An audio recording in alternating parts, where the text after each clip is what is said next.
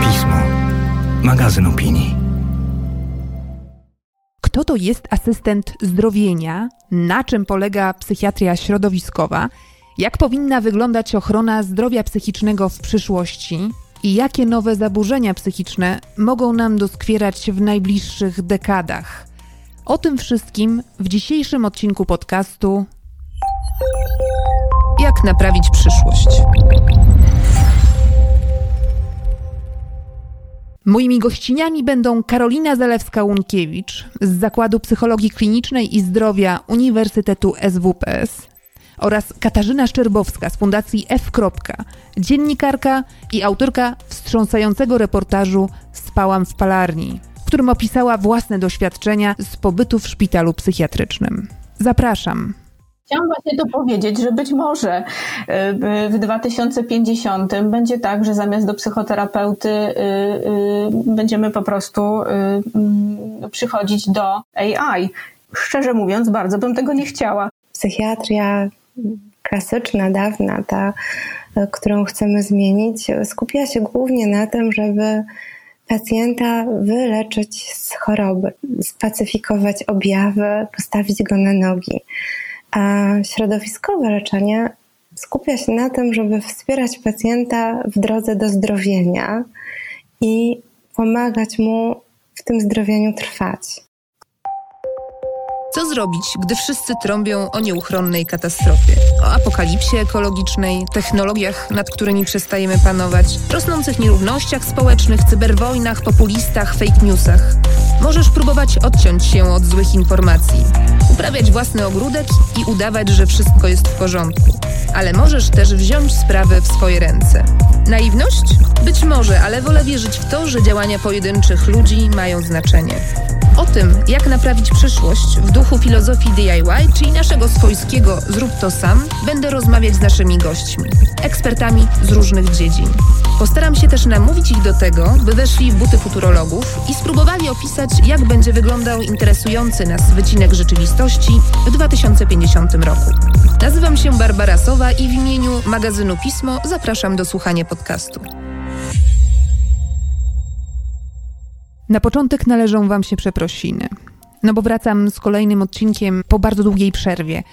Ale na swoje usprawiedliwienie powiem tylko tyle, że przez ostatnie miesiące pochłaniał mnie bez reszty projekt śledztwa pisma. Kto już słuchał drugiego sezonu, ten wie, że jest to niezwykle przygnębiająca opowieść o losach trzech młodych dziewczyn. 20-letniej Nikoli, 17-letniej Julii i Kamili, które zginęły w przeciągu 9 miesięcy 2019 roku. Jeden rok i trzy zagadkowe śmierci. Co łączy Nikolę, Julię i Kamilę? Czy to przypadek, że wszystkie chodziły do tej samej szkoły? To jest śledztwo pisma. Reporterska historia opowiadana tydzień po tygodniu. Historia, którą opowiadam, zaczyna się jak kryminał, ale szybko zmienia swój charakter i skręca w stronę zaangażowanego reportażu społecznego. Dla mnie jest to opowieść o samotności, wykluczeniu, o uzależnieniach i przemocy, a także o nierównym starcie życiowym i dziedziczeniu biedy, a przede wszystkim o problemach psychicznych i samobójstwach wśród młodzieży. To również opowieść o szkole, która w naszym kulejącym psychosystemie jest, no nie licząc rodziny, instytucją najbliższą dziecku czy nastolatkowi w kryzysie. W takim bardziej symbolicznym wymiarze to chyba również opowieść o tym, że ze śmiercią bliskiego dużo łatwiej pogodzić się, gdy winą za tragedię można obarczyć kogoś innego. Najlepiej konkretną osobę. Stąd poszukiwania poszlak, tropów, podejrzanych. No jest śmierć, więc musi być winny. Bo jak przyjąć do wiadomości, jak pogodzić się z faktem, że ktoś, kogo kochamy, zdecydował odebrać sobie życie? Albo zginął w wyniku nieszczęśliwego wypadku? To często rodzi poczucie winy, zwłaszcza jeśli ofiarą jest młody człowiek. Myślę, że życiorysy i tragedie Julii, Nikoli i Kamili mówią więcej o współczesnej Polsce i wyzwaniach, jakie stoją przed młodymi mieszkańcami małych, biedniejszych miejscowości, niż niejedna opowieść z krwawą zbrodnią w tle. I właśnie dlatego postanowiliśmy opowiedzieć tę historię. Śledztwo nie zawsze kończy się posadzeniem człowieka na ławie oskarżonych. Czasem na tej ławie trzeba posadzić system. W tym wypadku system wsparcia psychicznego i emocjonalnego młodych osób, który w Polsce jest w głębokiej zapaści. Ale dziś nie o psychiatrii dziecięcej chciałabym porozmawiać, ale o całej machinie diagnozowania i leczenia zaburzeń psychicznych. Także, a może przede wszystkim dorosłych. Temat jest wyjątkowo aktualny z różnych względów, no nie tylko z powodu pandemii. Patrząc na statystyki, e, sytuacja wygląda bardzo niepokojąco. Nie dalej jak kilka dni temu czytałam podsumowanie, z którego wynikało, że w 2020 roku kupiliśmy prawie 21 milionów opakowań antydepresantów na receptę. To ponad milion więcej niż rok wcześniej. Milion. O połowę wzrosła też liczba dni na L4 z powodu zaburzeń psychicznych. No nie ma co do tego wątpliwości, że wskutek pandemii cierpi nie tylko nasze zdrowie, ale i psychika. A sytuacja w ochronie zdrowia psychicznego przecież już przed pandemią była dramatyczna. Z różnych powodów, chociażby z powodu braku lekarzy. Wiecie, że w Polsce pracuje najmniej lekarzy psychiatrów w przeliczeniu na 100 tysięcy obywateli w Unii Europejskiej. Dla porównania w Niemczech, które są na czele rankingu, tego europejskiego rankingu, jest ich trzy razy więcej. Oczywiście braki kadrowe to nie wszystko, do tego dochodzą trudności lokalowe, brak placówek ambulatoryjnych, czy, a może przede wszystkim fatalne finansowanie opieki i świadczeń.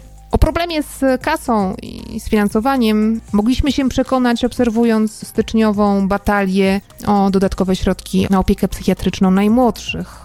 Była to haniebna batalia, ponieważ najpierw senatorowie oraz posłowie Prawa i Sprawiedliwości, wspomnę tylko, że byli wśród nich również lekarze, zagłosowali przeciwko zwiększeniu nakładów na opiekę psychiatryczną o 80 milionów złotych. A potem po medialnej burzy zjawił się premier Mateusz Morawiecki, taki trochę w charakterze rycerza na białym koniu i obiecał przeznaczyć na ten cel dodatkowe 220 milionów. No i super, świetnie, ale czy to nie będą kolejne obietnice bez pokrycia? Zobaczymy. Trzymam kciuki oczywiście. No, przypomnę tylko, że w zeszłym roku rząd lekką ręką oddał 2 miliardy złotych na TVP i Polskie Radio. Jak naprawić przyszłość? Tym podcaście od bieżącej polityki chcę jednak uciec. Moja pierwsza rozmówczyni to Karolina Zalewska-Łąkiewicz, psycholog, psychoterapeutka, socjoterapeutka z Zakładu Psychologii Klinicznej i Zdrowia Uniwersytetu SWPS. Przez wiele lat była związana ze szpitalem psychiatrycznym w Toszku oraz Powiatowym Centrum Pomocy Rodzinie w Gliwicach. Będziemy rozmawiać o kierunkach rozwoju leczenia psychiatrycznego, ale też o tym, jak może wyglądać, jak będzie wyglądać kondycja psychiczna Polaków. Nie tylko po pandemii, która przecież nieźle wszystkim daje w kość, ale za lat 10, 20. Zanim jednak przejdziemy do rozmowy na temat przyszłości, chciałabym cofnąć się o te kilka dekad, żeby zrozumieć, dlaczego psychiatria była taką zaniedbaną, niedofinansowaną, czy wręcz wstydliwą dziedziną medycyny. Świetnie pisze o tym Jeffrey Lieberman. To amerykański psychiatra, autor wydanej nakładem wydawnictwa poznańskiego książki Czarna owca medycyny.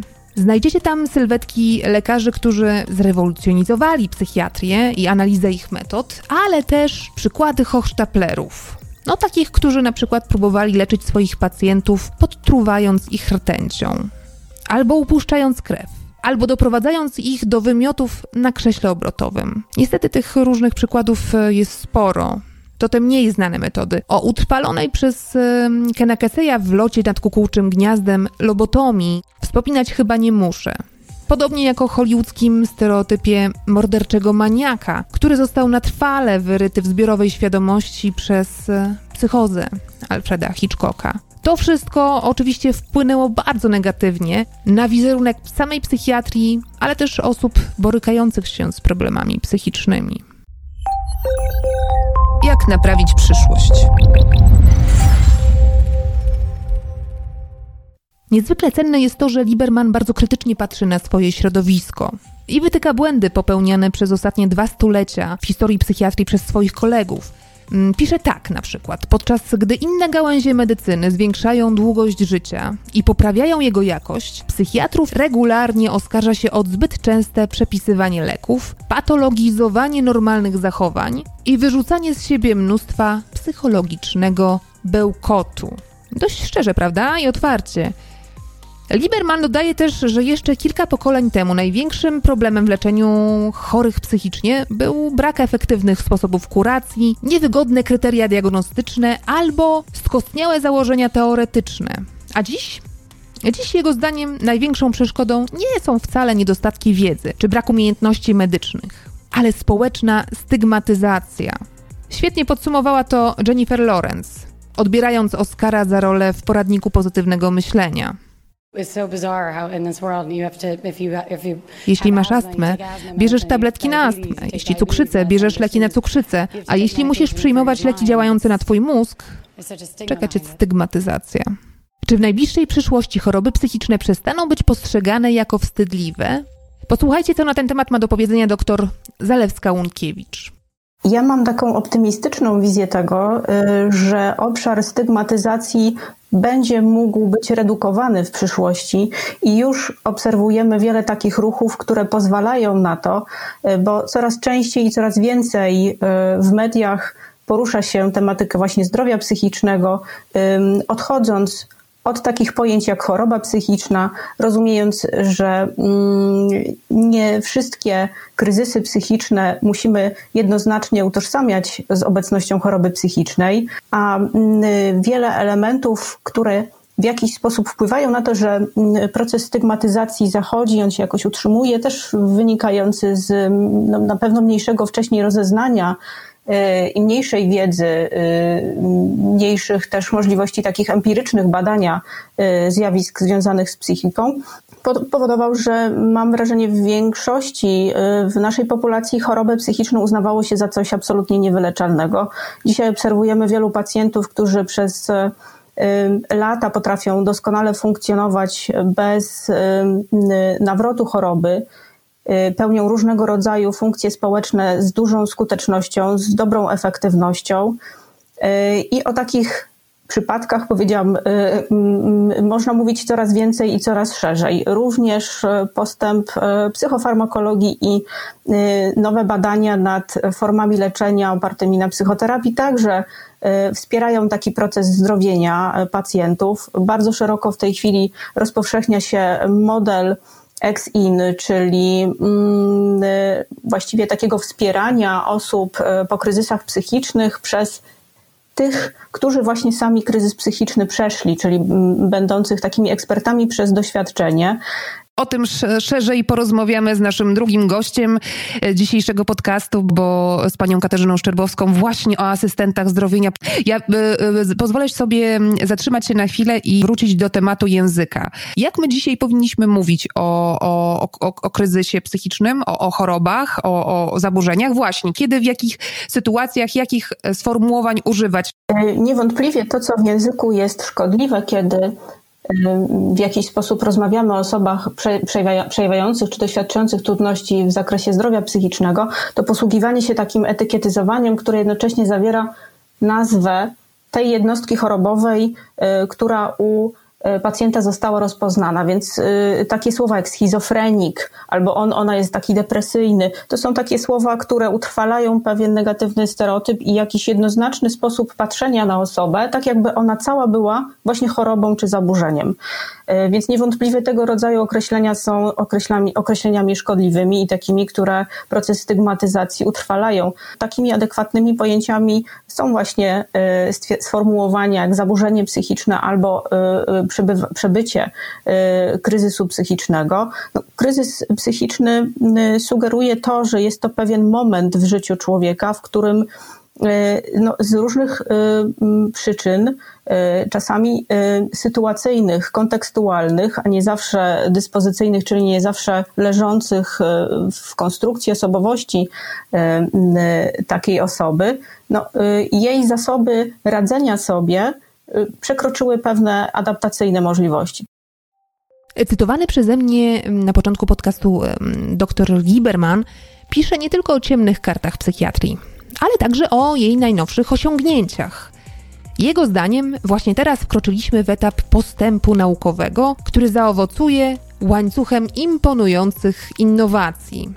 Wymienia on obiecujące technologie, które mogą pomóc w diagnostyce i wyborze terapii, jak chociażby elektrofizjologia, dająca podobny do EKG zapis aktywności mózgu, serologia, przynosząca testy krwi podobne do tych, jakie określają poziom cholesterolu, obrazowanie mózgu wykorzystujące rezonans magnetyczny do wykrywania zmian w strukturach lub aktywności mózgu. Mm, Lieberman też e, wspomina o tym, że wynaleziono dwie nowe formy stymulacji mózgu, znacznie mniej inwazyjne niż elektrowstrząsy. Chodzi o przezczaszkową stymulację magnetyczną oraz przezczaszkową stymulację prądem stałym. Strasznie trudne słowa. Obie te mm, e, metody wykorzystują bądź to pole magnetyczne albo prąd stały do stymulowania albo obniżania aktywności mózgu. Punktowo, w wybranych obszarach, bez wywoływania wstrząsu. E, Co więcej, obie te metody są nieinwazyjne i nie wymagają znieczulenia. Natomiast jedną z najbardziej obiecujących dziedzin badawczych w tej materii, e, w obszarze psychiatrii, jest genetyka. E, Wprawdzie niemal pewne jest, że żaden pojedynczy gen nie jest odpowiedzialny za którąkolwiek z chorób psychicznych, ale coraz doskonalsze techniki stopniowo umożliwiają nam zrozumienie, jak pewne ścieżki genów zwiększają ryzyko zachorowania. Genetyczne ślady pozwolą na wcześniejszą identyfikację osób podatnych na poważne choroby. O terapię i technologie pozwalające wierzyć w to, że rzeczywiście dokona się rewolucja w sposobach diagnozy i leczenia zaburzeń psychicznych w przyszłości, a także o te mm, nowe problemy, które mogą się pojawić, zapytałam dr Karolinę Zalewską-Łunkiewicz. Trudno mi się wypowiadać w obszarze ym, terapii opartych na badaniach genetycznych. Absolutnie nie czuję się tutaj ekspertem. Oczywiście rozwój tych terapii na pewno będzie zachodził. To wiąże się chociażby z pogłębionymi badaniami dotyczącymi, doty, dotyczącymi etiopatogenezy w ogóle zaburzeń. No i y, rozpoznaniem pewnych zmian na poziomie alleli, czy w ogóle materiału e, genetycznego, który jest zapisem, jak się okazuje, pewnych również traum przebytych w przeszłości, to takich traum e, międzypokoleniowych, e, co pokazuje, że ten fenotyp, a więc to, co jesteśmy w stanie obserwować w behawiorze, w zachowaniu, e, jest warunkowane pewną zmianą, która zachodziła nie tyle na poziomie, jakby, czy też zmianą, która jakby nie jest programowo od wielu pokoleń zapisywana w materiale genetycznym, ale że ten materiał genetyczny mógł ulec pewnej zmianie na skutek właśnie y, zajścia pewnej zewnętrznej sytuacji. Czyli pani tutaj sugeruje, mówimy o tym, że, że trauma z przeszłości, ale trauma nie nasza, tylko na przykład mamy, babci, tudzież ojca, mogła odbić się w strukturze naszego kodu genetycznego? Planu genetycznego, który będzie tak, który będzie też predyspono- predysponował nas do określonych e, reakcji emocjonalnych, a więc w związku z tym zwiększał na przykład podatność na rozwój poszczególnych zaburzeń psychicznych. To są rzeczywiście badania, które zostały przeprowadzone na potomkach osób, które ym, były więzione w obozach koncentracyjnych. No i to są rzeczywiście empirycznie potwierdzone potwierdzone informacje. Ja myślę, że w ogóle technologia mm, no, w jakiś sposób będzie wspierała program leczenia i program rehabilitacji y, pacjentów objętych czy pomocą psychologiczną, czy właśnie pacjentów neurologicznych. Tutaj właściwie te badania i ten sposób wykorzystywania technologii rozwija się najsilniej i najmocniej. E, No i właściwie od lat już obserwujemy stopniowy udział i wzrost technologii w pracy psychologów, począwszy od biofeedbacku, czy przez narzędzia diagnozy psychologicznej, takie jak te wykorzystywane głównie przez neuropsychologów, e, mam na myśli chociażby wiedeński komputerowy zestaw testów, czy programy typu Rehacom do, do ćwiczeń neuropsychologicznych, gdzie pacjent e, przy pomocy komputera, joysticka rozwiązuje pewne zadania, my możemy je programować w zależności od, zresztą algorytm też dobiera sam typ, typ zadań, czy chociażby diagnostyka przeprowadzana z użyciem testów w formule aplikacji na tabletach, gdzie również są to testy najczęściej o takim charakterze adaptacyjnym, czyli dobierają pewien poziom trudności do wyjściowego poziomu, który najpierw testuje się u pacjenta, tego rodzaju testy także stosowane są coraz częściej w e, diagnostyce dzieci i w zakresie mm, ich możliwości rozwoju intelektualnego, emocjonalnego. Są to też e, przy okazji takie narzędzia, które można wykorzystać, wykorzystywać właśnie do stymulacji rozwoju różnego rodzaju obszarów obszarów e, w zakresie funkcjonowania poznawczego, więc ten powolny mariaż psychologii i technologii rzeczywiście jest obserwowany i należy się spodziewać, że on w przyszłości będzie rozwijany coraz silniej. Jakby pani miała pofuturyzować i zastanowić się, w jakim kierunku to pójdzie, albo jakie rozwiązania mogą się pojawić. I tutaj proszę puścić wodze fantazji trochę, gdy pani właśnie myśli sobie o, jakimś, o jakiejś tych, takiej perspektywie dwóch, trzech dekad najbliższych, to co się może pojawić e, technologicznego, mhm. o czym dzisiaj możemy myśleć tylko w kategoriach science fiction. E, zanim przejdę do tego zupełnego science fiction, to ja jednak chciałabym się oprzeć na tym, co, co tu i teraz, bo obecna sytuacja, mam na myśli e, stan e, pandemii, wywarła również zmiany istotne w formule pracy psychologów, dlatego że musieliśmy siłą rzeczy przejść w wielu ośrodkach na teleporady i sięgnąć po coś, co tak naprawdę do tej pory wiele mm, osób z naszego środowiska negowało, wręcz uznawało za niepoprawne, czyli prowadzenie nie tylko poradnictwa drogą internetową, ale całego procesu psychoterapii z wykorzystaniem przestrzeni wirtualnej. E, w tej chwili realizujemy mm, psychoterapię online i okazuje się, że można ją prowadzić z powodzeniem. Pacjenci e, w tej terapii, tak powiem kolokwialnie, idą, Rzecz jasna wymaga to w tej chwili e, odpowiednich badań nad skutecznością takie, takiego sposobu pracy z pacjentem no, w różnych modalnościach terapeutycznych, którymi się posługujemy. Więc myślę, że też ta formuła zdalnej psychoterapii będzie się rozwijała z powodzeniem i z dobrym efektem dla pacjentów, jak i e, dla nas jako psychologów, którzy pewnie będziemy się też szkolić w nowych w związku z tym e, technikach i możliwościach prowadzenia leczenia właśnie na odległość. To jest bardzo moim zdaniem e, w duchu tego, tego podejścia, że wychodzimy do pacjenta, bo przecież wiemy doskonale, że zwłaszcza pacjent w kryzysie pewnie z trudem czasem z trudem przychodzi jej wyjście z domu i pojawienie się w gabinecie, a tutaj tego tego, tego eksperta, tego lekarza ma właściwie w telefonie, tak? Na ile to się sprawdza, jak pani e, obserwuje i jak sobie wymieniać e, e, doświadczenia z, z, nawet z osobami, które, tak jak pani powiedziała wcześniej, były przeciwne? Czy rzeczywiście to grono przeciwników zdalnego leczenia, w cudzysłowie, mhm. tego wirtualnego leczenia, nie wirtualnego leczenia, ale leczenia wirtualnej przestrzeni Tak, to rzeczywiście ubywa. w naszym środowisku, kiedy dyskutujemy nad tym, a dyskutujemy cały czas i to nie jest tak, że po pierwszej fali pandemii i przejścia właśnie na teleporady uznaliśmy, że e, mm, nie ma się już nad czym zastanawiać, wprowadziliśmy ten, ten system i jest ok. Nie, nadal, nadal rozmawiamy, nadal zastanawiamy się nad plusami, minusami e, takiej formuły leczenia. Wiadomo, że ono nie odzwierciedla tego naturalnego i pełnego kontaktu z pacjentem. Ja nie zawsze mogę widzieć e, pełnię jego postawy, którą mogę obserwować, kiedy on siedzi na fotelu naprzeciwko w gabinecie. E, ale y, niewątpliwie ilość osób, które były przeciwne, mam wrażenie, topnieje i przekonują się do tej e, formy pomocy. Dla wielu pacjentów jest to też y, mm, możliwość często jedyna, E, uzyskania kontaktu z terapeutą. Też procesy globalizacyjne, e, to, że możemy migrować, to, że możemy zmieniać miejsca zamieszkania, dają możliwość utrzymania takiej ciągłości psychologicznej i kontaktu ze swoim psychoterapeutą właśnie w drodze online, a nie konieczność zmiany czy przerywania leczenia. Więc to także jest duży plus przejścia czy wejścia w tą przestrzeń wirtualną. No, tak jak mówię, pewnie będziemy w tej chwili też jako grupa zawodowa zastanawiać się nad pewnymi standardami, które mogłyby y, wiązać się z prowadzeniem psychoterapii mm, w przestrzeni internetowej, jak zapewnić jej najlepszą jakość, no i przede wszystkim mm, etykę y, naszego postępowania, bo y, wiadomo, że też wejście w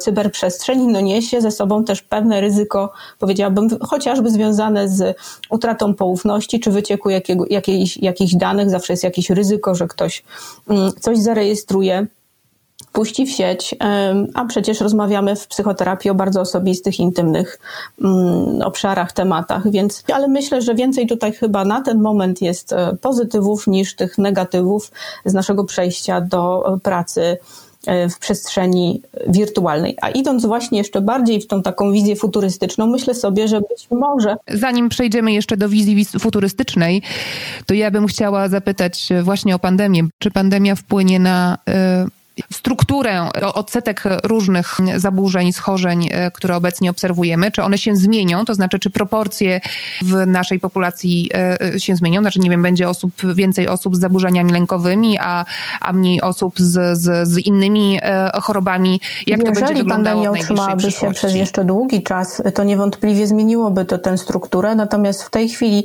można powiedzieć, że mm, to pokłosie, to żniwo, które pandemia zbiera, wpisuje się w pewien ogólny trend, trend, który rejestrujemy w, e, w raportach e, na temat zdrowia psychicznego w Unii Europejskiej, czy na temat, czy w raportach WHO na temat globalnego e, zdrowia psychicznego, w którym dominują już od wielu lat zaburzenia lękowe, właśnie depresja, ale także zwiększone jest ryzyko uzależnień. No i uzależnienia są także jednym z tych tak zwanych e, common mental disorders obserwowanych e, w populacji ogólnoświatowej.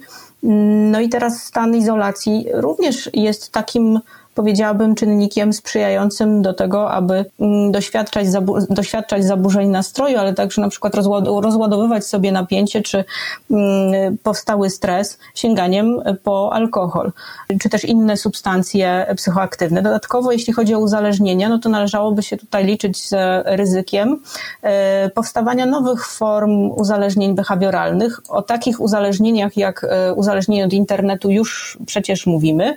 Niewątpliwie tutaj znaczącą rolę grają social media i to w jaki sposób uzależniamy chociażby mm, no właśnie swój stan e, czy dobrostan od ilości lajków, e, czy też od e, obecności jakiegoś rodzaju hejtu w sieci, który rozprzestrzenia się z prędkością błyskawicy to niewątpliwie mogą być takie elementy, które będą, powiedziałabym, wzmagane i utrzymywane przez pandemię. Jak patrzy się na e, historię i, e, i zwłaszcza te listy e, podsumowujące liczbę zaburzeń psychicznych, chorób mhm. psychicznych, to okazuje się, że w ciągu zaledwie 60 lat liczba zaburzeń psychicznych wzrosła ponad 3,5 razy. Z tego, co czytałam w pierwszym wydaniu podręcznika Kryteria diagnostyczne zaburzeń psychicznych z lat 50., konkretnie z 52 roku, pojawiło się zaledwie 106 jednostek chorobowych. Mhm. W 68 już w drugim wydaniu było ich 182 i ostatnie, piąte wydanie E, wyróżnia tych zaburzeń 374. I oczywiście ten skok, ja domyślam się, nie jest wynikiem pojawiania się jakichś e, mas masowego pojawiania się nowych chorób, ale raczej wzrostu e, świadomości skuteczności diagnostyki i leczenia tych istniejących zaburzeń. Ale czy my możemy przypuszczać i czy, czy że ta lista będzie się wydłużać w kolejnych dekadach, że pojawią się te no to nowe, o czym pani mówi, to opiera pani tą wiedzę na historii DSM, czyli amerykańskiej klasyfikacji klasyfikacji e, chorób i zaburzeń psychicznych. E, obowiązuje nas jeszcze jedna klasyfikacja międzynarodowa ICD e, i w tej chwili powiem, że z niecierpliwością czekam na kolejne jej wydanie, jedenaste, które zapowiadane było na obecny rok kalendarzowy. I na pewno jakość tej listy będzie zmieniona. Nie wiem, czy się w znaczący sposób wydłuży, ale niewątpliwie dzięki obserwacjom klinicznym, badaniom epidemiologicznym, empirycznym, eksperci, którzy opracowują te systemy, dostosowują je wraz z kolejnymi e, wydaniami podręczników, mm, aktualizują do bieżącego stanu wiedzy. Wygląda to w ten sposób, że pewne jednostki chorobowe, jednostki nozologiczne uszczegóławia się ze względu na wieloletnie obserwacje, wyodrębnia na przykład pewne e, podkategorie. Tak rozwijały się chociażby, mm, tak rozwijał się chociażby opis zaburzeń osobowości, ale podobnie jak to się właśnie zadziało w DSM, w przypadku mm, typów schizofrenii, takie te, też pewne zaburzenia się uogólnia. Co to oznacza? Że dzisiaj w DSM-ie, właśnie w tym wydaniu piątym, nie znajdziemy już pojedynczych jednostek takich jak schizofrenia katatoniczna czy hebefreniczna, tak jak nadal ma to miejsce w obecnej klasyfikacji CYD-10, ale będziemy czytali o jednej grupie schizofrenii. Mhm. Ponieważ naukowcy dostrzegli pewną osiowość zmian w postaci takiej dezorganizacji psychicznej, jaka leży u podłoża każdego z tych podtypów. Niektóre zaburzenia psychiczne w międzyczasie usunięto z klasyfikacji. E, przykładem jest chociażby homoseksualizm czy psychastenia. E, więc e, myślę, że będą pewne no, modyfikacje, będzie, będzie uszczegóławianie, pewne kategorie będą także zanikały. No, oczekując, że powstaną nowe typy chociażby zaburzeń y, behawioralnych, y, no to liczyć się z tym trzeba, że y, no, miejsce dla nowych kategorii nozologicznych na liście chorób i zaburzeń pewnie powstanie. Myślę sobie także o zmianach aktualnych mm, form zachowań i nawyków, które także są przecież, mm, powiedziałabym, lansowane pewnymi trendami ogólnospołecznymi. Myślę tutaj chociażby o ortoreksji, e, która jest przykładem takich zachowań silnie skoncentrowanych właśnie na e, dobrej diecie, na przestrzeganiu wszystkiego, co wiąże się ze zdrowym odżywianiem, z ćwiczeniem, z wręcz przesadnym dbało, przesadną dbałością o, o tą część fizyczną naszego funkcjonowania, pochłaniającą ogromną ilość czasu i tak naprawdę przejawiającą się tak sztywnym wzorcem, że takim wzorcem, który jest nieadaptacyjny. Więc y, miejsce na nowe, y, nowe y, zaburzenia na pewno w tych klasyfikacjach będzie się tworzyło. Chciałabym jeszcze powiedzieć o mm, takim obszarze, czy takim, takim zjawisku jak FOMO, czyli silnym lęku, strachu przed tym, że, że wypadnie się z obiegu informacji, że coś ważnego nas omija. Nie jesteśmy w stanie być paradoksalnie, że mimo tego, że Facebook na przykład nam to bardzo ułatwia, ale jednak nie jesteśmy w stanie być w każdej możliwej e, interakcji, sytuacji społecznej naszych znajomych e, w danym momencie. No, mm, brak e, świadomości tego, że ktoś w tym czasie organizuje sobie życie i czas w zupełnie inny sposób, wtedy, kiedy nie było tak łatwego dostępu do social mediów, paradoksalnie był dla nas zdrowszy niż to, co to, co y, mamy w tej chwili na wyciągnięcie ręki. Możemy postawić tezę, że to niestety nowe technologie będą tym, tą przyczyną kolejnych schorzeń, bo ani ortoreksja, ani FOMO jeszcze nie jest, to nie jest, nie zostało sklasyfikowane, ale ani też y, tak. do końca przebadane, tak? No bo to jest bardzo świeże.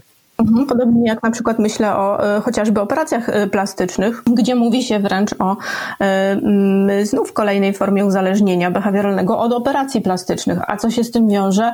No pewnie trzeba liczyć się z nowymi, form, no, nowymi formami dysmorfofobii, a więc takich lęków związanych z wyglądem ciała. No to wszystko są produkty cywilizacji. No i też łatwego dostępu, y, między innymi y, za pośrednictwem internetu, do tego, żeby oglądać, tak, mm, no właśnie zmieniające się i modyfikowane ciało człowieka y, z użyciem najnowszych technologii medycznych. Więc napędzamy się w tych zmianach, tak? Jak pani sobie myśli o kondycji społecznej, kondycji psychicznej społeczeństw, polskiego społeczeństwa, ale nie tylko w 2050 roku, to myśli pani, że będziemy szczęśliwsi, czy niekoniecznie? Trudno powiedzieć. Ja bardzo bym chciała, żebyśmy byli e, szczęśliwsi wraz z wykorzystaniem mm, tego nośnika e, przepływu informacji w internecie, który pozwoli nam z większą świadomością przyglądać się temu, co nas otacza i z większą świadomością dokonywać wyborów, które są dla nas prozdrowotne i takie, które utrzymują właśnie nasz dobrostan psychiczny. To znaczy, żeby więcej właśnie w sieci pojawiało się profilaktyki, i wiedzy, edukacji na temat zdrowia psychicznego i żeby przestrzeń wirtualna nie zastępowała nam też naszej naturalnej w gruncie rzeczy gotowości do tego, żeby być w relacji z drugim człowiekiem. Nie tylko właśnie w przestrzeni wirtualnej, no ale przede wszystkim w rzeczywistości. A na koniec, na koniec wróćmy do tematu science fiction. no właśnie. Y, myślę sobie, że no, y, tak jak nie możemy wyrugować tutaj wpływu technologii na y, mm, rozwój nowych form adaptacji i form zaburzeń, tak też nie możemy wyrugować tego wpływu technologii na mm, pracę psychologów i wyobrażam sobie, że mo możemy mieć takie obszary, w których e, pacjent mm, nie będzie korzystał z usługi realnego człowieka, ale będzie korzystał z pewnej aplikacji, która pozwala mu monitorować nastrój, pozwala mu monitorować e, jeszcze inne parametry e, dla niego istotne. No, być może być może. Czyli, przepraszam, że wejdę w słowo sztuczna inteligencja, algorytmy zastąpią, zabiorą wam pracę. Chciałam właśnie to powiedzieć, że być może y, w 2050 będzie tak, że zamiast do psychoterapeuty y, y, będziemy po prostu mm, przychodzić do czy przychodzić, czy otwierać sobie aplikację, w której będziemy rozmawiać z AI szczerze mówiąc, bardzo bym tego nie chciała. Oczywiście jest tu taki y, zaszyty mój, jest w tym zaszyta intencja, żeby jednak zawód psychoterapeuty mógł się rozwijać, a nie kurczyć ze względu na wypieranie go przez sztuczną inteligencję. Ale też myślę sobie o tym, że chyba wtedy musielibyśmy mówić o mm, pewnej być może, powiem to na wyrost, ale jakiejś takiej gatunkowej zmianie, tak? Kiedy, mm, kiedy sprawy ludzkie powierzamy, y, powierzamy robotom, powierzamy, y, powierzamy technologii i, i algorytmom. Ja myślę, że to jest podobnie jak się mówi o dziennikarzach, że zostaną wkrótce zastąpieni przez maszyny. Już właściwie są, jest sztuczna inteligencja, pisze, pisze teksty, które bardzo trudno odróżnić od tekstów e, pisanych przez mhm. człowieka, ale ja myślę, ja wierzę, że jednak ten element ludzki będzie nadal istotny i że, i że tak nas zupełnie nie zastąpią te maszyny. Natomiast ja tak się zastanawiam jeszcze, na ile nurt transhumanistyczny może być e, wykorzystywany, czyli tak, że coś sobie wszczepimy, co będzie, nie wiem, co będzie pozwalało wyłączyć, nie wiem, ból istnienia, tak?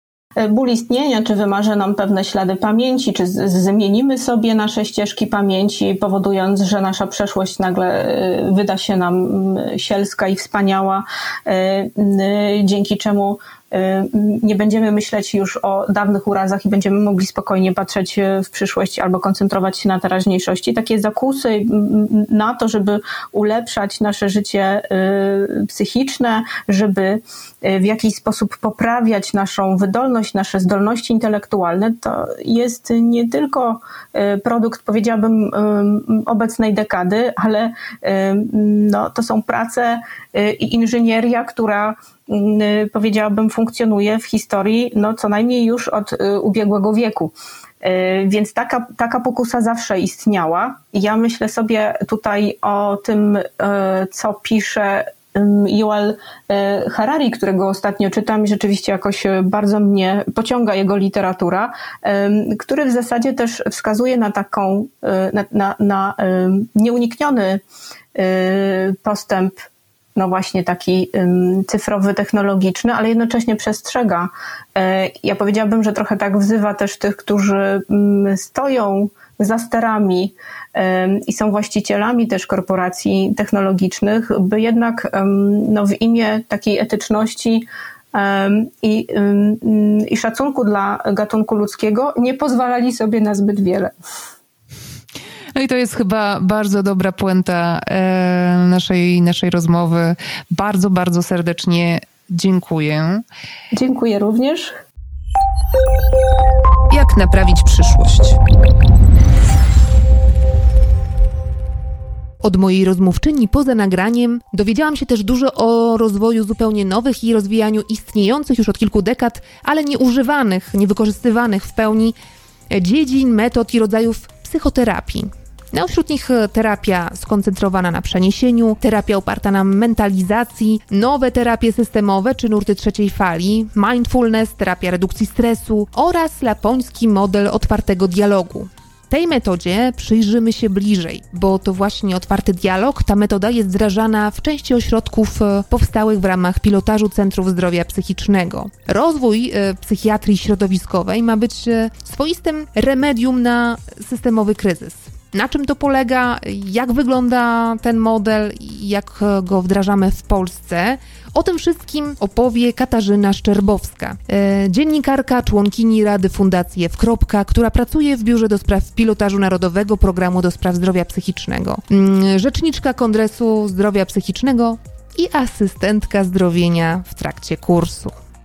Ja jeszcze może dodam, że jestem e, osobą z doświadczeniem kryzysu psychicznego i mam diagnozę schizofrenii. Mówię o tym dlatego, że ja staram się być takim głosem pacjentów we wszystkich miejscach, do których udało mi się dotrzeć, z którymi uda mi się pracować.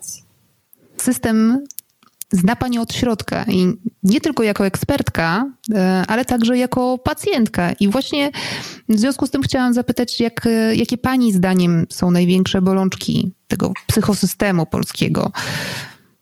Ja z wielką nadzieją patrzę na reformę, na transformację leczenia psychiatrycznego ze skoncentrowanego na izolowaniu w szpitalu na rzecz rozwijania leczenia środowiskowego, czyli takiego, które jest dostępne, szybkie, blisko domu, jak najbardziej dostosowane do potrzeb pacjenta, podążającego formami pomocy za dynamiką kryzysu, włączającego w terapię otoczenie człowieka, który ma załamanie zdrowia psychicznego. Bo jak to wygląda obecnie, zanim przejdziemy jeszcze do reformy?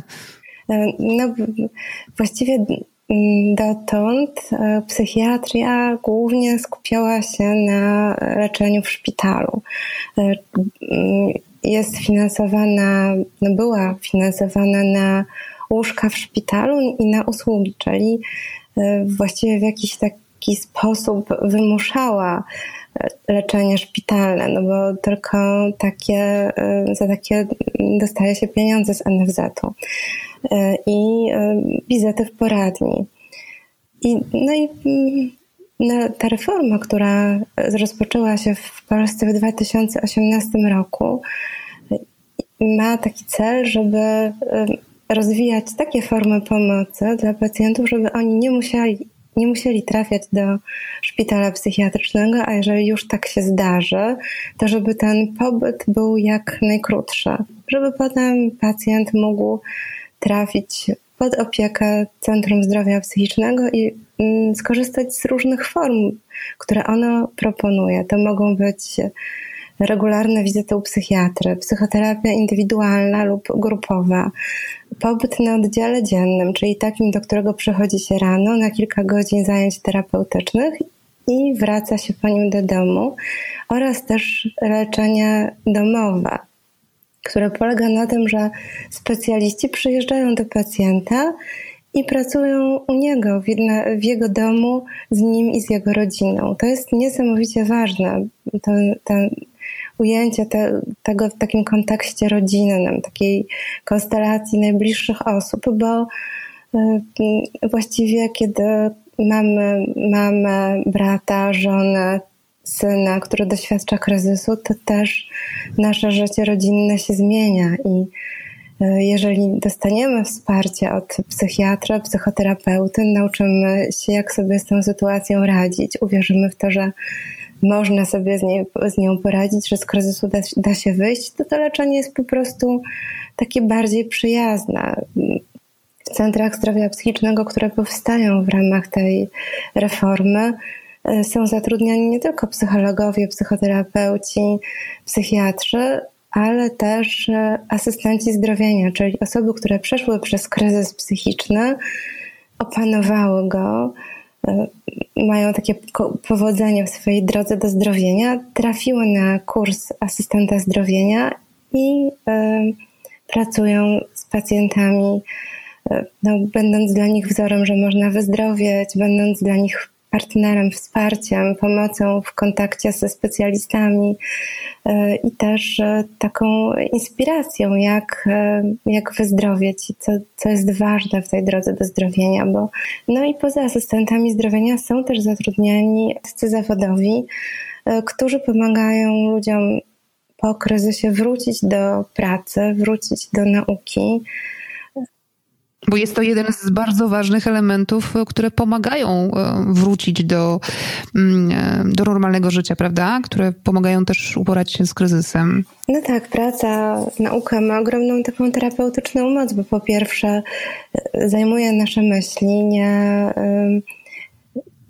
skupiamy się na zadaniach, spełniamy się, jesteśmy w relacjach z, z, ludźmi, którzy są z nami w pracy, jest, możemy się czuć przydatni, to jest, buduje nasze poczucie własnej wartości.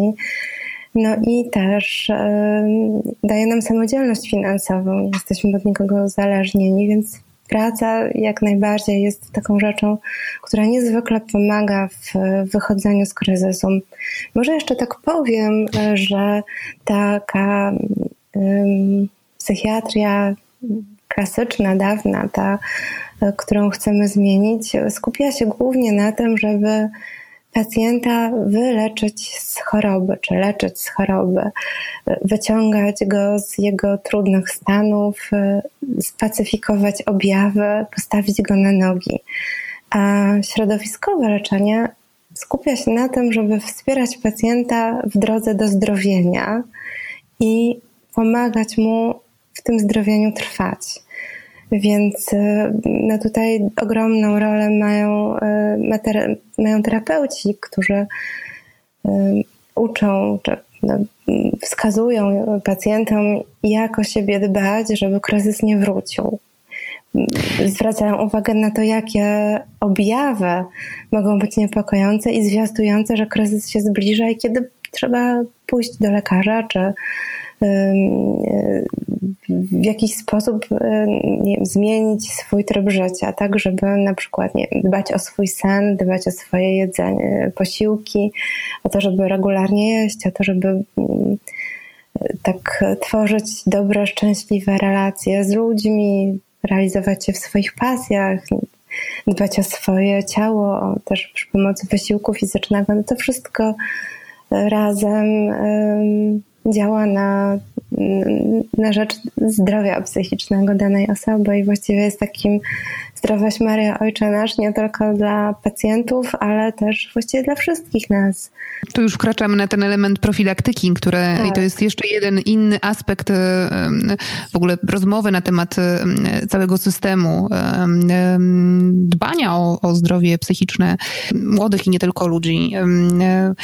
Natomiast ja chciałabym wrócić do tych centrów zdrowia psychicznego. Ile takich ośrodków, ile takich centrów mamy w Polsce obecnie? 31 y, i są one rozsiane po całej Polsce. W, w dużych miastach, czy raczej w, mniej, w mniejszych Bo jest e, Centrum Zdrowia Psychicznego w Hajnówce i w Grajewie, czyli w takich mniejszych miastach, ale e, też w Krakowie e, i w Warszawie mamy aż trzy takie centra dla dzielnicy Mokotów, dla mieszkańców dzielnicy Mokotów, y, dla Woli i dla Brudna.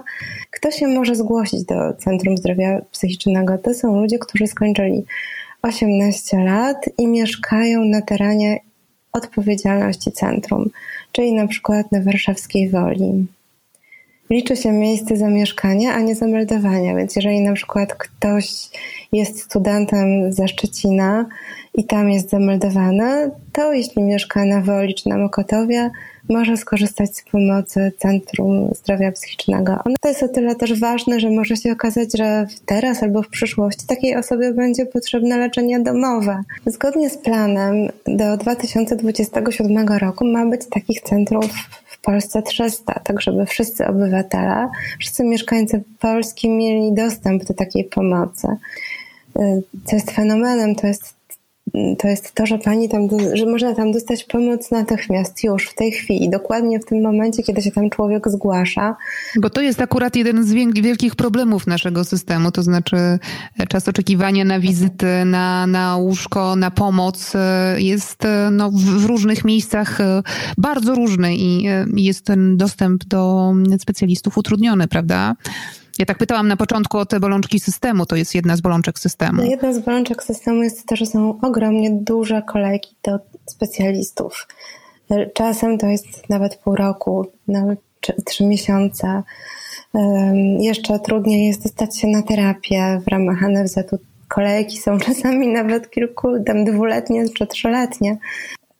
Jeżeli ktoś zjawił się tam z taką pilną sprawą, z czymś, czym trzeba się zająć natychmiast, to zgodnie z rozporządzeniem dotyczącym centrów, pomoc musi ruszyć nie później niż w ciągu 72 godzin, a często rusza wcześniej. Zdarza się, że od razu z punktu zgłoszeniowo-koordynacyjnego pacjent trafia do gabinetu psychiatra. Co się dzieje w nagłych przypadkach?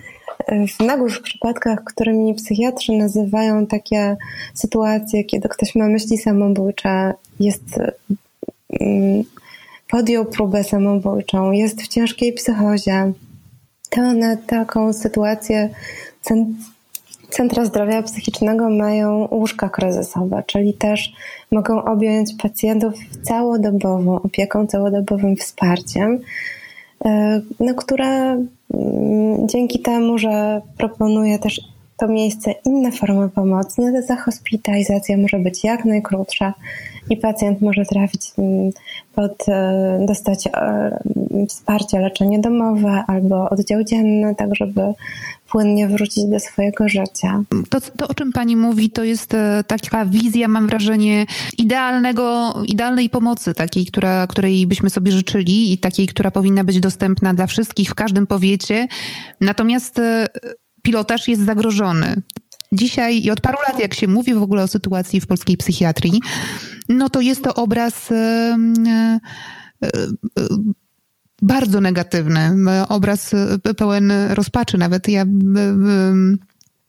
wrócę do pani e, reportażu, który pani napisała, spałam w palarni o własnym pobycie e, w, szpitalu psychiatrycznym, który był no, takim no, jednym z, z, z pewnie wielu obrazów e, tego, jak ten system wygląda od środka i jak, e, w jaki sposób czuje się pacjent i jak wygląda leczenie w polskim, w polskim systemie. No, chcielibyśmy wszyscy, żeby, żeby wyglądało to inaczej i mam wrażenie, że ta reforma i ten pilotaż tak no, przynajmniej choć trochę zbliża nas do standardów y, e, europejskich. Ogromnie nas zbliża lekarze, którzy opracowywali ten Narodowy Program Ochrony Zdrowia Psychicznego, którzy wymyślili te centra, szukali inspiracji za granicą i na przykład asystenci zdrowienia to jest pomysł zaczerpnięty z Niemiec. Nawet niektórzy trenerzy asystentów szkolili się z niemiecki, u niemieckich specjalistów. No właśnie, kto może zostać asystentem zdrowienia? E, ktoś, kto przeszedł przez kryzys psychiczny, e, doświadczył choroby afektywnej dwubiegunowej e, czy mm, schizofrenii. Chodzi o taki głęboki kryzys, bo jak pojęcie kryzysu jest bardzo pojemne i też tutaj się mieszczą na przykład no, wypalenie zawodowe, czy załamania związane z żałobą albo odejściem kogoś bliskiego. W przypadku asystentów zdrowienia chodzi o to, żeby mieć ze sobą głęboki kryzys. Taki, któremu towarzyszy doświadczenie psychozy. Tak, żeby on później, kiedy będzie pracował z pacjentami, e, po prostu będzie mógł podarować im swoje doświadczenia e, chorowania i zdrowienia, a to, jest, to nie jest zbyt duże obciążenie dla osoby, która ma za sobą kryzys, wzięcie na barki ciężaru i problemów e, tej drugiej osoby, zastanawiam się, bo to jest przecież też e, dość duża odpowiedzialność i duży ciężar.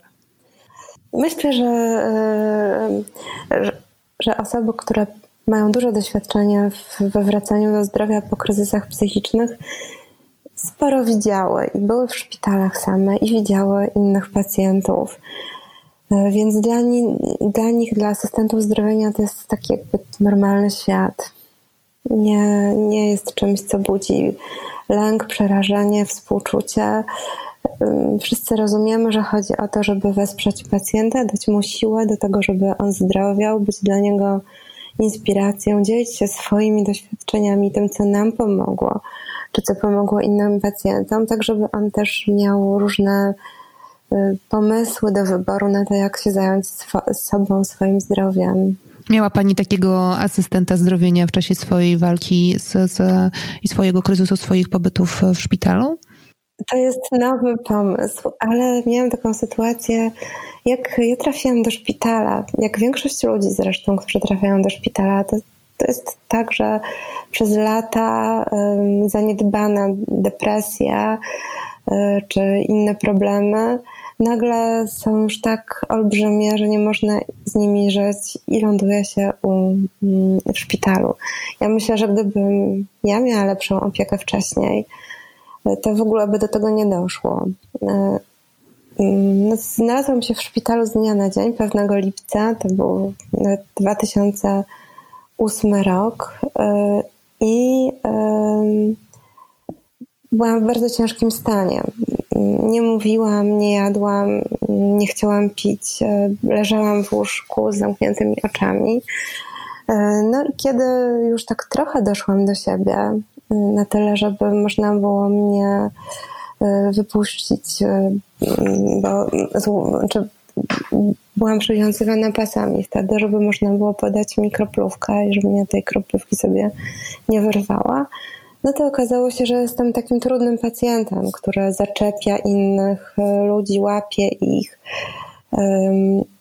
też rozbiera się na korytarzu, więc dość często nadal musiałam być zapinana w pasy po to, żebym no, nie, nie zakłócała spokoju po prostu w tym mm -hmm. miejscu.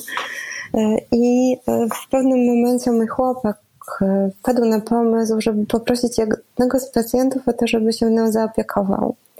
I wybrał takiego chłopaka, który trafił do szpitala z takiego więziennego oddziału szpitalnego, czyli osobę taką dużą, silną, mocną, konkretną. I ten chłopak się rzeczywiście mną zaopiekował. Razem pamiętam, że był taki czas, kiedy razem budowaliśmy z gazet jakąś aparaturę do komunikowania się z kosmosem, bo ja koniecznie chciałam mieć taką aparaturę. Ale też potem y, czytał mi Mistrza i Małgorzatę na głos. I nawet moja córka ostatnio wspominała, że a to ten chłopak, który dzwonił do nas i pytał, w którym, i mówił, w którym miejscu mistrza i Małgorzaty jesteście. I dzięki niemu zaczęłam mówić, zaczęłam e, jeść, e, zaczęłam normalnie funkcjonować, przestałam się rozbierać, przesta- bo to jest tak, że często w kryzysie dochodzą do głosu rzeczy, które są w nas głęboko stłumione. Ja byłam wychowywana w takim bardzo tradycyjnym domu, chodziłam do e, mm, liceum dla dziewczyn prowadzonego przez siostry zakonne. No i e, gdzieś tam miałam taką stłumioną seksualność, która w kryzysie doszła do, wyszła ze mnie. Więc ja po prostu zaczepiałam mężczyzn, starałam się wchodzić im do łóżka. No, w jakiś sposób trzeba było nade mną zapanować. Pomysłem były te pasy, a potem okazało się, że, że właśnie taka pomoc pacjenta, osoby, która też doświadczyła kryzysu, jest bezcenna. Oczywiście pacjenci nie są w szpitalu po czy na oddziale, żeby pomagać innym pacjentom choć my, pacjenci, pomagamy sobie oczywiście, kiedy jesteśmy. Nie dziwne, biorąc pod uwagę przeciążenie i no, braki personelu, to, to, to ta wzajemna pomoc pacjentów jest jakby chyba takim nieodzownym elementem systemu w obecnym kształcie, takie mam wrażenie. No ja myślę, że no jest to oddział zamknięty szpitala to jest taka zamknięta mała przestrzeń, gdzie są sale z łóżkami, które to łóżka osobom z doświadczeniem kryzysu psychicznego nie są potrzebne. To nie musi wyglądać tak jak szpital, oddział chorób wewnętrznych, czy mm, te łóżka właściwie, no, mm, tak to jest trochę smutne, jak, jak, jak to jest ta przestrzeń zaaranżowana. E, no wszyscy są w, na kupie, w pokojach czasem jest sześć osób, czasem nawet osiem, więc wszyscy raz jesteśmy cały czas e, ze sobą. No i wiadomo, że jeżeli ktoś na przykład przyjechał z ulicy, jest bezdomny, no to ludzie się z nim dzielą, oddają mu część jedzenia, które dostali od bliskich, czy nawet e, kupują takiej osobie, nie wiem, majtki czy skarpetki. Więc e, tak, myślę, że to pomaganie sobie pacjentom nawzajem jest niesamowicie cenne i bardzo pomocne, no ale tutaj y, asystent zdrowienia to jest trochę co innego niż nasz kolega z sali. To jest ktoś, kto y, jest po prostu w tym miejscu po to, żeby pomagać, a nie po to, żeby się leczyć. Więc no myślę, że ta pomoc asystentów jest niezwykle cenna. Też cieszę się, że kilku z nich jest w tej chwili w Instytucie Psychiatrii i Neurologii na oddziałach całodobowych, na przykład na oddziale F7 jest, e, to jest oddział dla osób z chorobą afektywną dwubiegunową. E, jest Iwan Sicko, chłopak z Białorusi, który skończył tam studia budowlane i sam kiedyś się leczył na tym oddziale, a teraz e, pomaga pacjentom na przykład w ten sposób, że co tydzień parzy tam, jest, organizuje tam ceremonię parzenia herbaty, bo to jest jego pasja, herbata. I to spotkanie przy herbacie jest takim pretekstem do tego, żeby porozmawiać ze sobą także na inne tematy niż herbata. Bardzo bym chciała mieć takiego asystenta zdrowienia, gdyby mi się zdarzyło kiedykolwiek jeszcze wrócić do szpitala, choć mam nadzieję, że tak się nie stanie.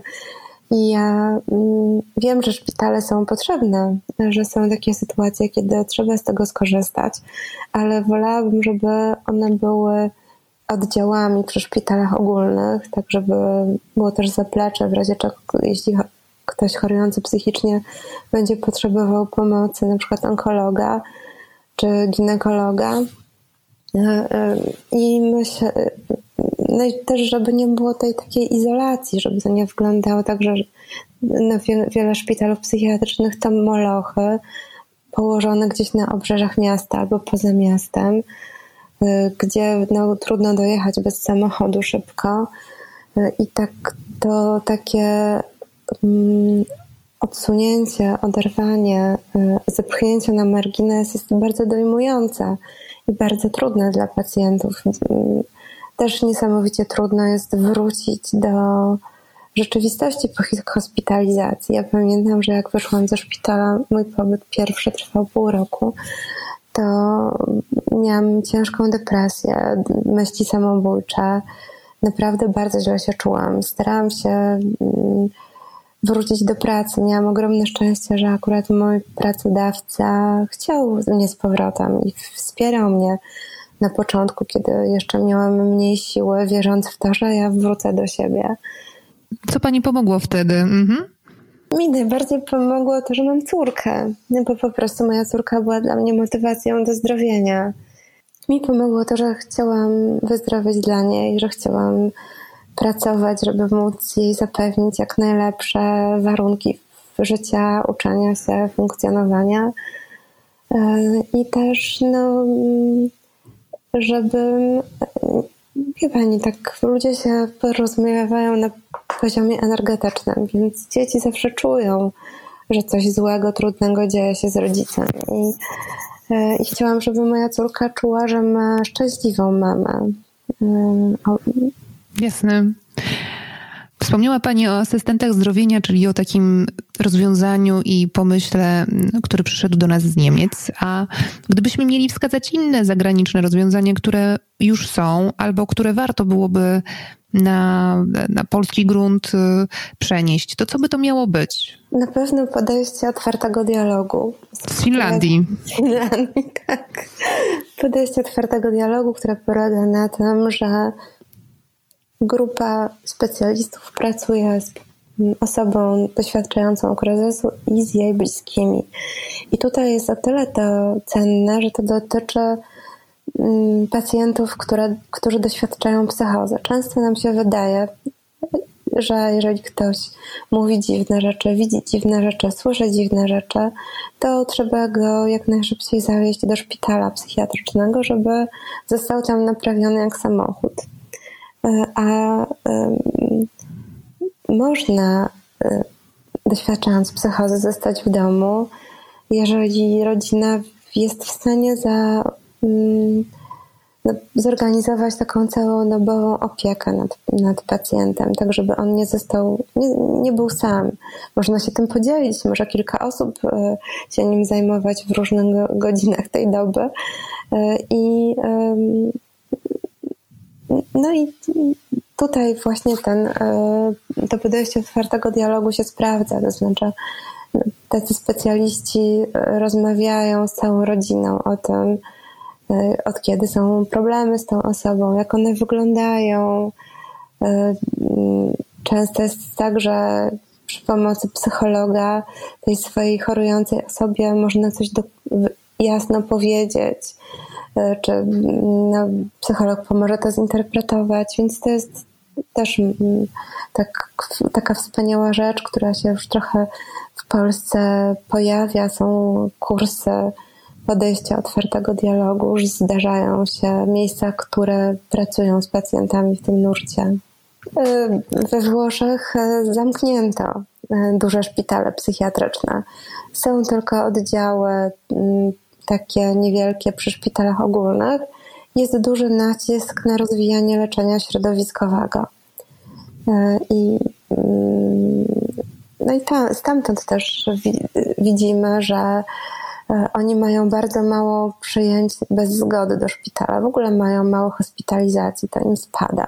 Więc ten e, system pomagania całkowicie się zmienił na taki naprawdę bardziej przyjazny dla pacjentów, no bo nie, nie wyrzucających ich na margines. Ja pamiętam, że jak ja chorowałam, przyszła do mnie siostra i powiedziała: Kasia, no to ty teraz pewnie będziesz musiała pójść na rentę. I jak ja to usłyszałam, no to też tak no, poczułam, że ja nie chcę być na żadnej rencie nigdy, że ja, ja chcę pracować, tak jak wszyscy. I, i rzeczywiście to, to, to leczenie środowiskowe na pewno ułatwia powrót do pracy czy utrzymanie pracy. A jak powinien wyglądać idealny szpital psychiatryczny? No, widziałam coś takiego w Wielkiej Brytanii jak się wchodzi tam na oddział, e, to właściwie trudno odróżnić, kto jest pacjentem, a kto jest osobą, która tam pracuje, pielęgniarzem czy terapeutą, bo wszyscy są ubrani w swoje zwykłe ubrania, bluzy, swetry. I e, jest tych opiekujących się ludzi mniej więcej tyle samo, ilu pacjentów. Więc na przykład, jeżeli ktoś e, zaczyna mieć kłopoty z panowaniem nad sobą, e, albo potrzebuje rozmowy, to zawsze znajdzie się ktoś, kto się nim zajmie. Więc w tym szpitalu nie ma pasów. On wygląda właściwie tak jak dobrej jakości hotel. Każdy ma tam swój pokój z łazienką.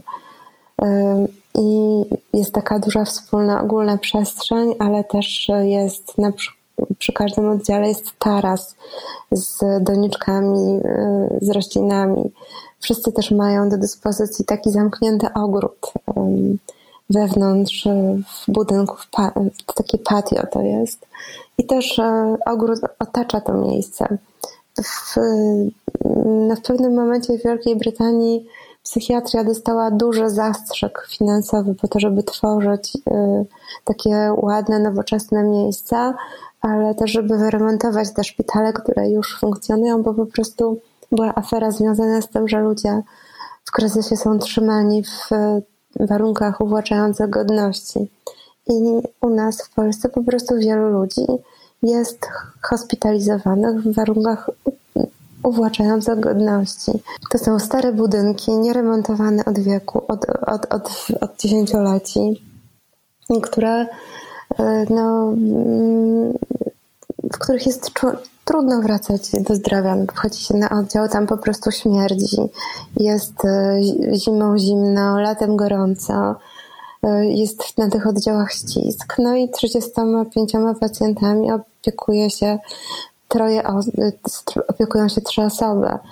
E, no, oczywiście nie, nie licząc lekarzy, którzy przychodzą na oddział E, w ciągu dnia, ale potem wracają do domu i mm, pacjenci zostają z pielęgniarzami, pielęgniarkami salowymi. Więc taki idealny szpital to właśnie wyobrażałabym sobie jako oddział przy szpitalu ogólnym, w którym jest na tyle dużo personelu, żeby nie trzeba było mm, stosować przymusu bezpośredniego. Gdyby pani miała sobie pomyśleć o tym, jak miałby wyglądać nasz system, nie tylko oddziały psychiatryczne, ale, ale, ale cały system za te 30 lat, no bo w moim podcaście zawsze staram się namówić swoich rozmówców do tego, żeby na taką wycieczkę w przyszłość i, i próbę pofuturyzowania. Pani, ja wierzę w to, że się uda. Bardzo e, chciałabym, żeby w każdym powiecie było Centrum Zdrowia Psychicznego, do którego można przejść w każdej chwili, e, również w nocy. No, e, chciałabym, e, żeby stała się taka rzecz chyba najważniejsza, żeby trochę inaczej, żebyśmy trochę inaczej zaczęli myśleć o kryzysie psychicznym i ludziach, którzy go doświadczają, bo wciąż z tym skleja się mnóstwo takich krzywdzących stereotypów, że ludzie, którzy chorują, e, są nieprzewidywalni, niebezpieczni, toksyczni, męczący, że trzeba jak najdalej uciekać, jeżeli komuś e, z znajomych coś takiego się przydarzy, bo nas będzie wciągał w tą czarną dziurę jeżeli, no właściwie no, zgodnie ze statystykami, co czwarty Polak doświadcza, doświadczył lub doświadcza kryzysu psychicznego, to nie muszą być zaburzenia takie jak schizofrenia czy jak choroba afektywna dwubiegunowa, choć z takimi zaburzeniami jest u nas dużo osób, bo na schizofrenię leczy się 180 tysięcy, a milion ludzi ma ze sobą doświadczenie psychozy. E, więc chciałabym bardzo, żeby się zmieni, zmieniła świadomość, żeby tego, czym jest zdrowie psychiczne, jak o nie dbać, e, jak reagować na to, gdy komuś bliskiemu przydarza się, nie wiem, problemy z koncentracją, pamięcią, panowaniem nad sobą.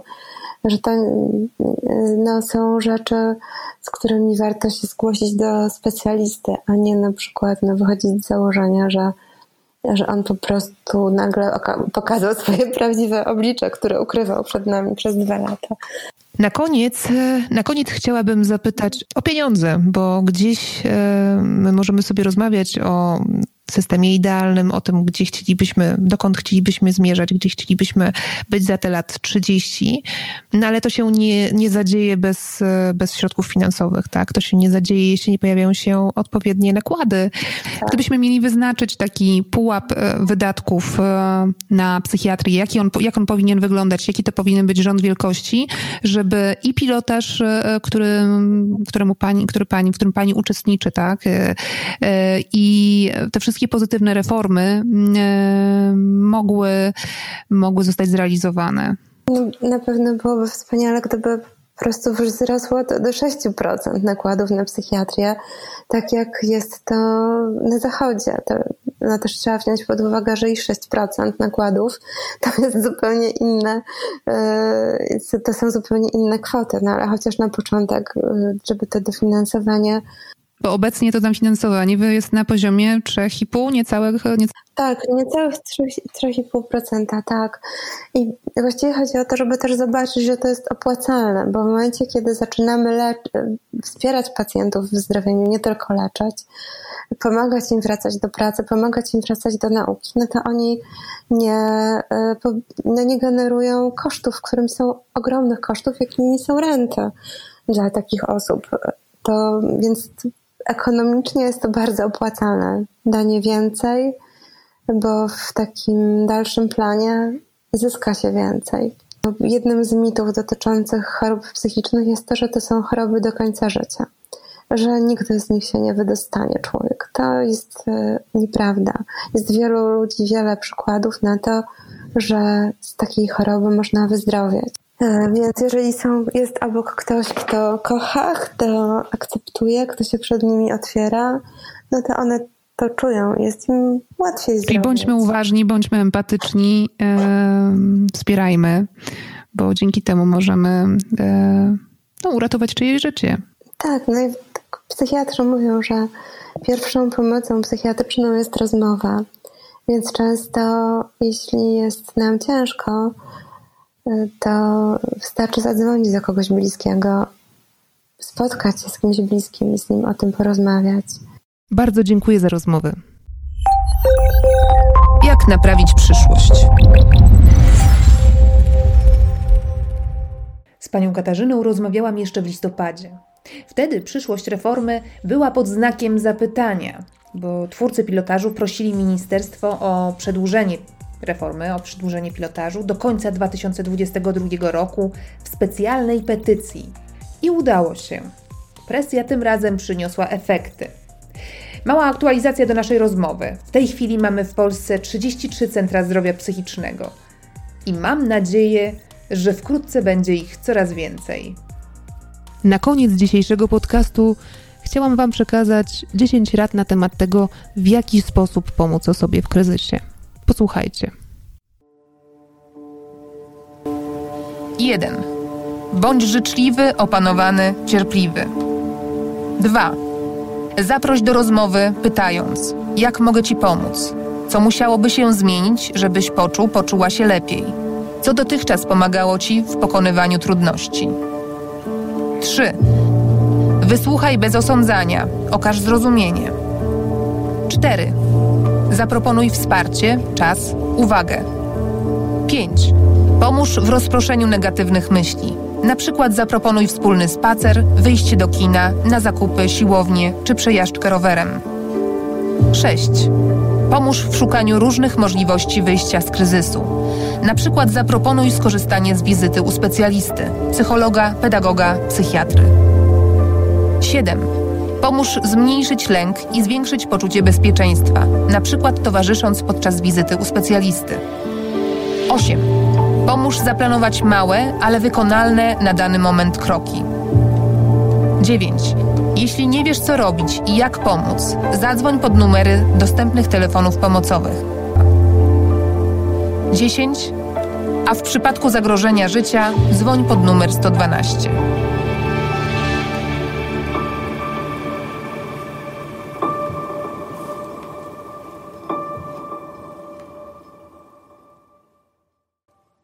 To był dziesiąty odcinek podcastu Jak naprawić przyszłość. Jeśli macie jakiekolwiek pytania, wątpliwości, albo może chcielibyście zainspirować mnie do kolejnych odcinków, piszcie na adres jnp2050 małpa magazynpismo.pl. Ja się nazywam Barbara Sowa i zapraszam Was za miesiąc. Trzymajcie się ciepło. Do usłyszenia.